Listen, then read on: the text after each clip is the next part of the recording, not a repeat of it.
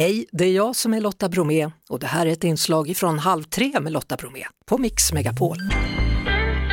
Vad har ridstjärnan Maria Gretzer gemensamt med Elina Öhman som kör skotercross eller Jonna Adlerteg som kör gymnastik? Eller körde?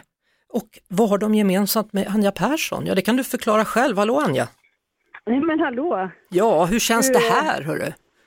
Ja men det är väl lite lätt ångest. det är inte så att förväntningarna känns höga. Det är inte det nej. Nej. Nej, Eh, Jag, nej. jag läste att Micke Leijnegard han, han har tydligen tjatat på dig i flera år, är det så? Ja men det är väl ungefär tio år ska jag tro. Och varför har du tvekat? Um, nej men dels har det varit mycket med småbarn och annat. Men jag har också tyckt det var spännande att göra det liksom när man har en bra bit ifrån sin karriär. Att man kommer dit och ser om man, man kan göra någonting liksom, tio år senare. Snacka om att du alldeles precis dissade både Nils van der Poel och Charlotte Kalla.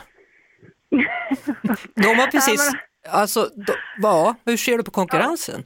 Nej, men det är väl just det att eh, ja, men det är faktiskt en av eh, sakerna som jag tycker är roligt i år. Det är ju just också Charlotte. Det känns som jag Charlotte har ju som ändå ja, men lite grann haft samma karriär, lite grann samma press på oss på stora mästerskap och sådär. Så jag känner mycket gemensamt med henne och det ska bli kul att göra det här tillsammans. Mm.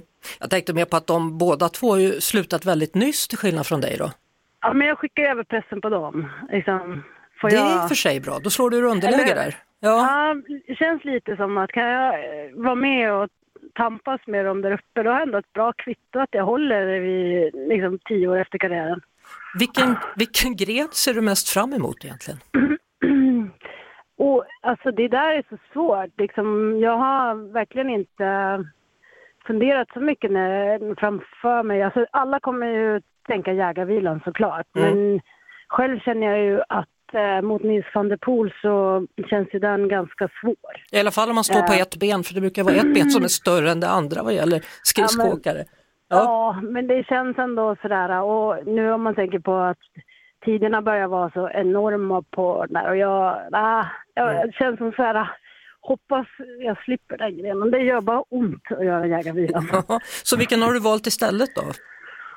Eh, ja, men jag gillar klurigheter. Jag gillar när det blir liksom att man måste tänka ett steg längre och man måste liksom eh, i momenten hitta sina vägar och hitta ja, men bra, bra lösningar. Mm.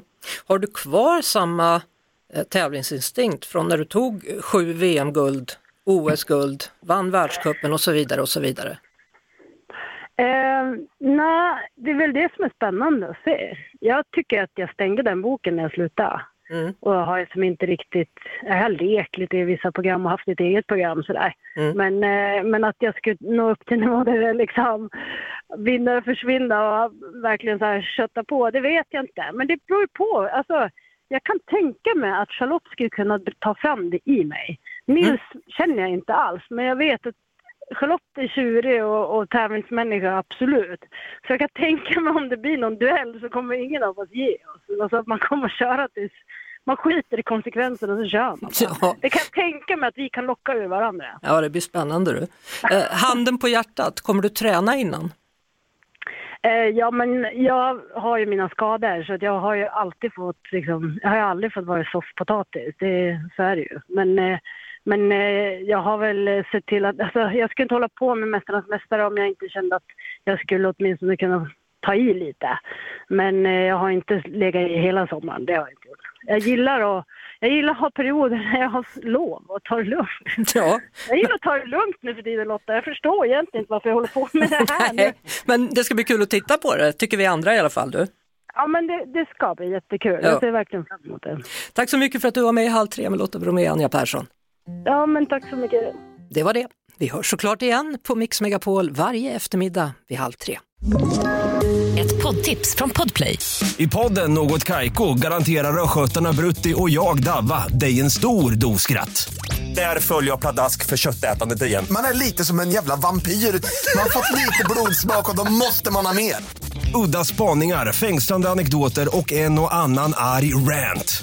Jag måste ha mitt kaffe på morgonen för annars är jag ingen trevlig människa. Då är du ingen trevlig människa, punkt. Något Kaiko, hör du på Podplay. Därför är gardinerna.